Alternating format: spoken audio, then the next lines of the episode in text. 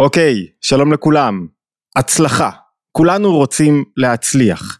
אפשר להתפלפל עם כל מיני הגדרות מה זו הצלחה, על מה מדובר, אבל בסופו של דבר בהגדרה הכוללנית ביותר, להצליח זה לפרוץ גבול.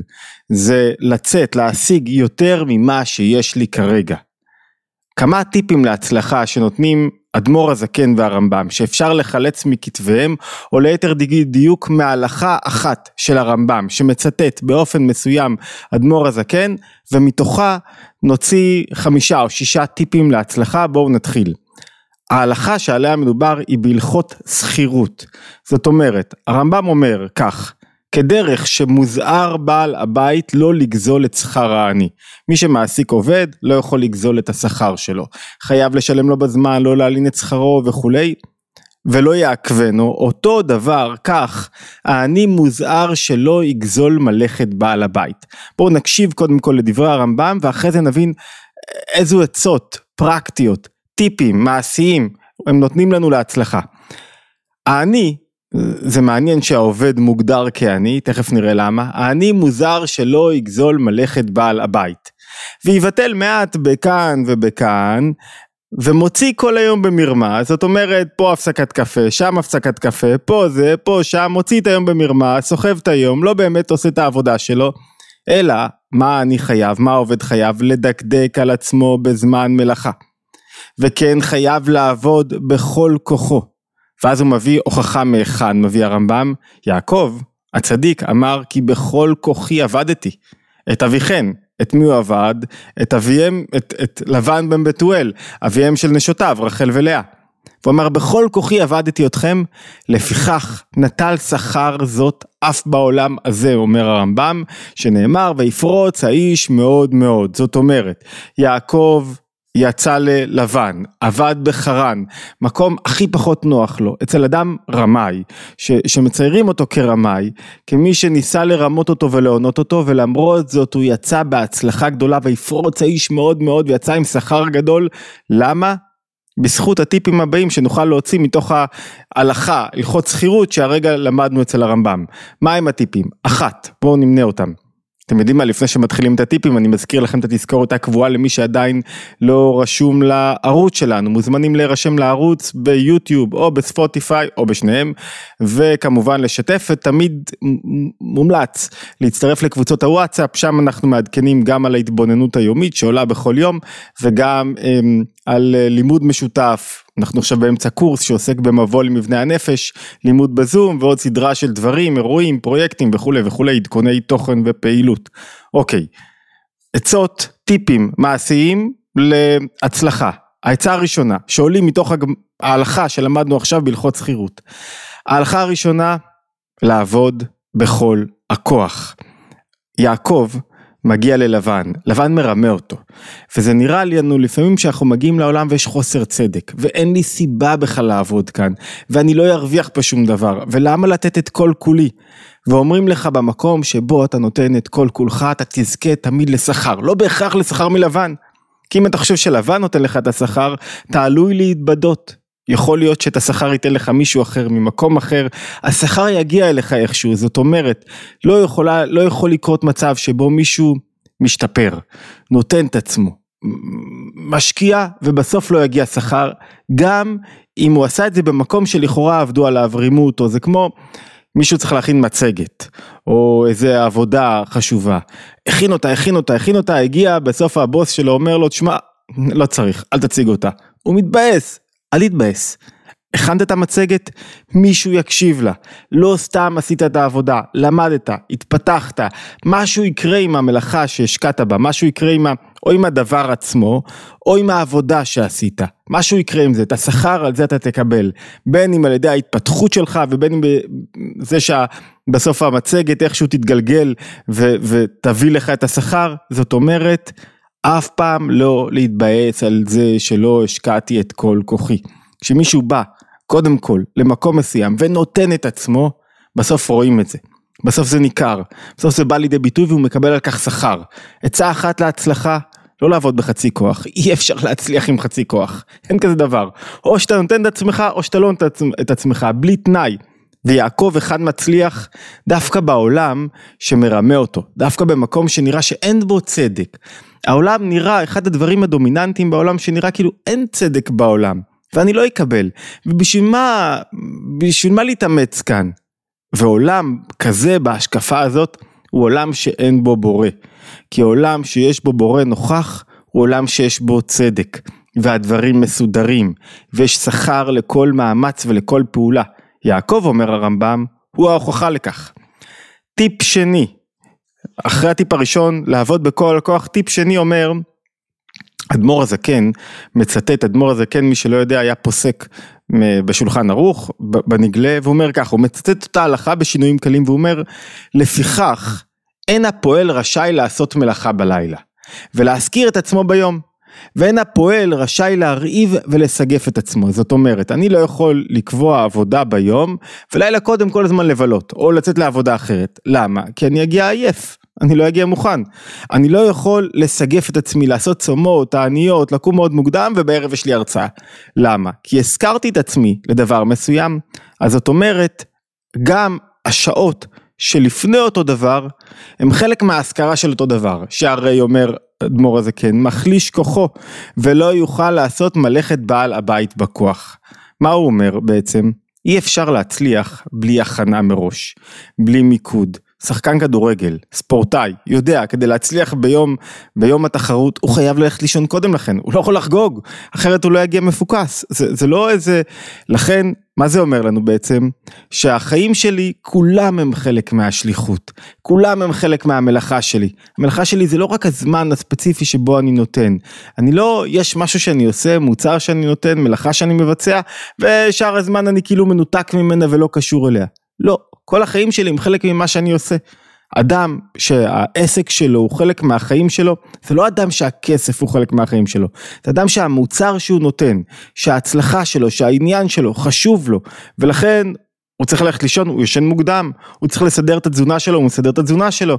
כל החיים שלו קשורים במה שהוא עושה, אתה צריך לעמוד מול קהל ולהיות חזק ובריא, תסדר תזונה, תעשה ספורט, הכל זה חלק מההשקעה לאותה מלאכה ששכרו אותך בשבילה. זאת אומרת, ההצלחה לא מתחילה ולא נגמרת רק ברגע שאתה על הבמה, רק ברגע המכירה, רק ברגע הספציפי, היא מתחילה הרבה קודם לכן. בהכנה שלך, באיך שאתה רואה את החיים שלך, בכך שהחיים לא מנותקים מהצלחה. זה חלק מהסעיף הראשון שהצבענו עליו, לעבוד בכל הכוח, גם כשנראה שאני פה עובד בפריילוף וגם כשאני נראה שאני עובד בעולם שאין בו צדק. ההיבט השני הוא שאני עכשיו מה, אני לא יצליח לעולם אם אני לא יבוא מוכן, אם החיים שלי לא יראו חלק מהשליחות הזאת, אם אני לא אהיה מונח בדבר, אם אני לא אלך לישון מוקדם, אם אני לא, אם אני ארעיב את עצמי, אסגף את עצמי ולא אעשה את מה שצריך, אני לא אגיע לשם מוכן. נקודה שלישית, עצה שלישית של הרמב"ם, איך הוא אומר? ויבטל מעט בכאן ומעט בכאן ומוציא כל היום במרמה. יוקר הזמן, מה זה יוקר הזמן? אם אתה לפעמים כזה רבע שעה פה נמרח ורבע שעה פה נברח, אתה לא, אין סיכוי שתצליח, אי, אי אפשר לעבוד ככה. חייב לדקדק על עצמו בזמן המלאכה, מלאכה זה השליחות, זה המקום שבו אני רוצה לפרוץ ובו אני רוצה להצליח. אם אני לא מדקדק על עצמי בזמן המלאכה, אז, אז אני מורח את הזמן, בסוף פתאום עבר, וואו, רציתי לכתוב ספר.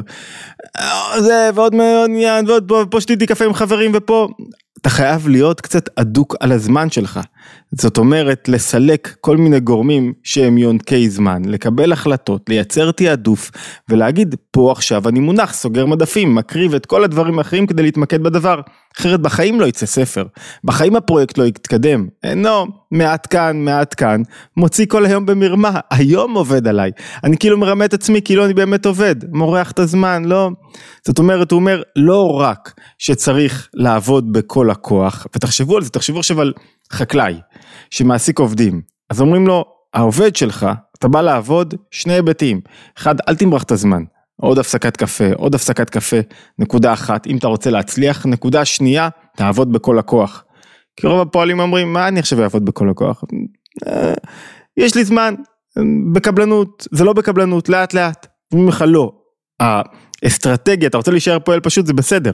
אתה רוצה להצליח, שני ההיבטים הללו של יוקר הזמן, לקדש כל רגע, לעשות בו את המלאכה, ושתיים, לעבוד בכל הכוח, הם דומיננטיים, הם משמעותיים להצלחה אחרת. אתה לא תצליח באמת. נקודה רביעית, טיפ רביעי חשוב של הרמב"ם, איך הולכת ההלכה הזאת? כדרך שמוזהר בעל הבית שלא לא יגזול שכר העני, מגיע לך את העבודה שלך, ואילו העני מוזר שלא יגזול מלאכת בעל הבית. זאת אומרת, אתה צריך תמיד לזכור שאתה עובד אצל מישהו, אצל בעל הבית. מה הכוונה? מה, מה, מה הכוונה? הרי חלקנו עצמאים. מה זאת אומרת אצל בעל הבית? המשל והנמשל פה ברורים. באת לעולם כדי לעשות שליחות. בעל הבית, הבורא אומר לך, תשמע, אני נותן לך כך וכך שנים. עד 120 שנה. בזמן הזה כל רגע אי אפשר לבטל אותו, רגעים הם לא לבטלה. בכל רגע אתה צריך לגלות את הכוחות שלך, לעבוד בכל הכוח, לגלות את השליחות שלך בתוך העולם.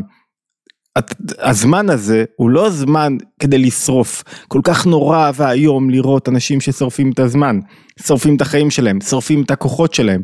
אומרים לך פה אתה עובד, אתה, אתה, אתה אין לך משל עצמך, למה אתה עני? כי אין לך משל עצמך כלום, זה לא אתה העניין, זה השליחות שלך בעולם. אדם בא עירום לעולם, יוצא עירום מן העולם, בתווך משהו מצליח להשיג, זה לא הוא, וזה כל כך מרפא וכל כך עוזר, כי אומרים לך יש לך פה שליחות חיים, ואת השליחות החיים הללו זה לא למלא את הכרס שלי, זה מה, מה העולם צריך ממני, מה המלאכה צריכה ממני, וכל אחד והמלאכה שלו, כל אחד ומה שהוא צריך לעשות, כל אחד והאור שהוא מדליק בעולם, כל אחד והטוב שהוא מחדיר לעולם, ורק כשהוא מפסיק לחשוב על עצמו, ומתחיל לחשוב על מה המלאכה הדורשת ממני, הוא אומר, אני, להיות בתודעת אני, זה תודעה הכי כיפית בעולם הרבה פעמים, כי אני הרבה פעמים הוא אין לי כלום, בוא נלמד, מה צריכים ממני? אני לא כל יודע, אני לא בעל הבית על המציאות על כל דבר ועניין, אני רגע משחרר. בתנועה הזאת של אני אתה יורד לתוך העולם, ורק בתוך העולם אתה יודע שיש לך, אתה כמו פועל שגופך קנוי. בסדר אחי, אתה לא יכול לעשות לי שום דבר, יש לי פה שליחות, לא יכול להיפגע, כי יש לי פה שליחות, ולא יכול להיות עצוב, ולא אכלתי אותה, ולא יכול להיות קורבן, וכולי וכולי. לא יכול להתמלא ברגשות לא רצויים, וכשאני חושב בתודעה הזאת, שאני חלק משלשלת ויש לי תפקיד בתוך המציאות הזאת, והחיים שלי הם לא חיים של האדרת שמי ומצב חשבון הבנק שלי, אלא אני חלק ממישהו שתורם אור לעולם, ונתנו לי זמן מוגבל לשם כך, ואני חייב לנצל אותו, בגלל, בגלל זה הוא יקר בעולם, ולא, איך אמרנו כאן, מעט בכאן, מעט בכאן, ומוציא כל היום במרמה, יאללה בוא נעביר את הזמן.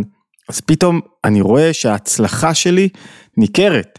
ואז אני, אני לא עסוק בעצמי. מה, מה התולדה בסוף? ויפרוץ האיש מאוד מאוד. עוד שני טיפים שאפשר להוציא מההלכות שכירות של הרמב"ם שמצטט אדמו"ר הזקן, אני אולי לא אמרתי, אמ, יש שיחה מאוד יפה של הרבי מלובביץ' משנת תשי"ט 1959, שהיא, כל המקורות מצוטטים נמצאים באתר התבוננות, שווה להסתכל על השיחה הזאת, והשיחה מפרטת באריכות את החלק מהרעיונות שמובאים כאן למי שרוצה ללמוד את השיחה עצמה. שתי, עוד שתי נקודות, שני טיפים חשובים להצלחה, אחד, אי אפשר להצליח ואני מסתגר בתוך עצמי. נחמד אם אתה יושב כל היום עם תוכניות בתוך עצמך בבית, עד שלא יורדים לחרן, לחרון אף של מקום, הולכים למקום מהמקום הנוח למקום שבו אני מתלכלך, סופג, יורדים עליי קצת, בועטים בי קצת, מקבל קצת, מנסים לרמות אותי, אי אפשר להצליח. בתנאים של בית מרקחת אי אפשר להצליח, חייבים לרדת לתוך העולם ודווקא שם יעקב מצליח. לא לפחד לנסות, לא לפחד לרד לעולם, לא לפחד לחטוף קצת כאפות מן העולם. זו הייתה העצה הרביעית, החמישית, סליחה, של הרמב"ם, ועצה אה, אחרונה שמביא הרבי מלובביץ' על סמך הרעיון הזה של הלכות שכירות. מה זאת אומרת לעבוד בכל כוחו, שיעקב יורד ועובד אצל לבן בכל כוחו. בכל כוחו הכוונה היא לא רק שאני מתאמץ בכל הכוח שלי, אלא שאני מגלה את כל כוחות הנפש. מה זאת אומרת מגלה את כל כוחות הנפש? זו, זה בעצם מצב של שלמות האדם, שאני מגלה את כוח התענוג שלי, ושאני רוצה את העבודה, ופה טוב לי, ואני משקיע במאמץ שכלי, ויש לי התחדשות בשכל, ומתגלים הרגשות שלי, אהבה ויראה, יש לי רצון להיות כאן, ואני מסוגל ללמוד על הדבר הזה. כל הכוחות שלי מתגלים בתוך העבודה, במצב הזה האדם מושקע בכל כוחו.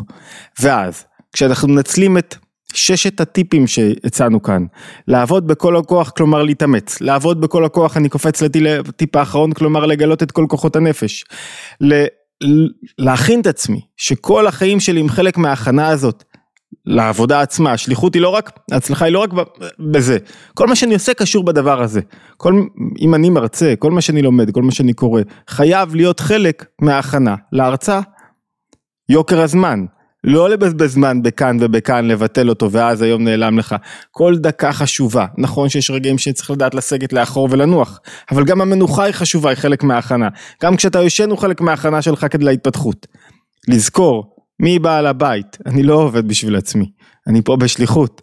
זה, זה דבר כל כך מקל, כל כך מסייע. ובסופו של דבר אי אפשר להצליח בלי שיורדים למטה, להתעסק עם העולם, יורדים לחרן. וכשמיישמים את ששת הטיפים הללו שהרמב"ם ואדמו"ר הזקן מביאים, ההצלחה בסופו של דבר היא למעלה מהגבול. מה זה הצלחה? פריצת הגבול של אדם. הוא פורץ את הגבולות שהוא הציב לעצמו, או את הגבולות שאנשים נותנים לו, או שהעולם נותנים לו. הוא מתפתח יותר, הוא משיג יותר, בכל ההיבטים. הגשמיים, הפנימיים, הרוחניים, הפסיכולוגיים, החברתיים, הוא יוצא מעצמו ומשיג יותר. מזכיר לכולם, התבוננות יומית, מוזמנים להירשם לערוץ שלנו, כמובן לשתף תמיד טוב, ו... אמ, ואפשר להצטרף לקבוצות הוואטסאפ. תזכורת שנייה, תודה ולהשתמע בהתבוננות היומית הבאה.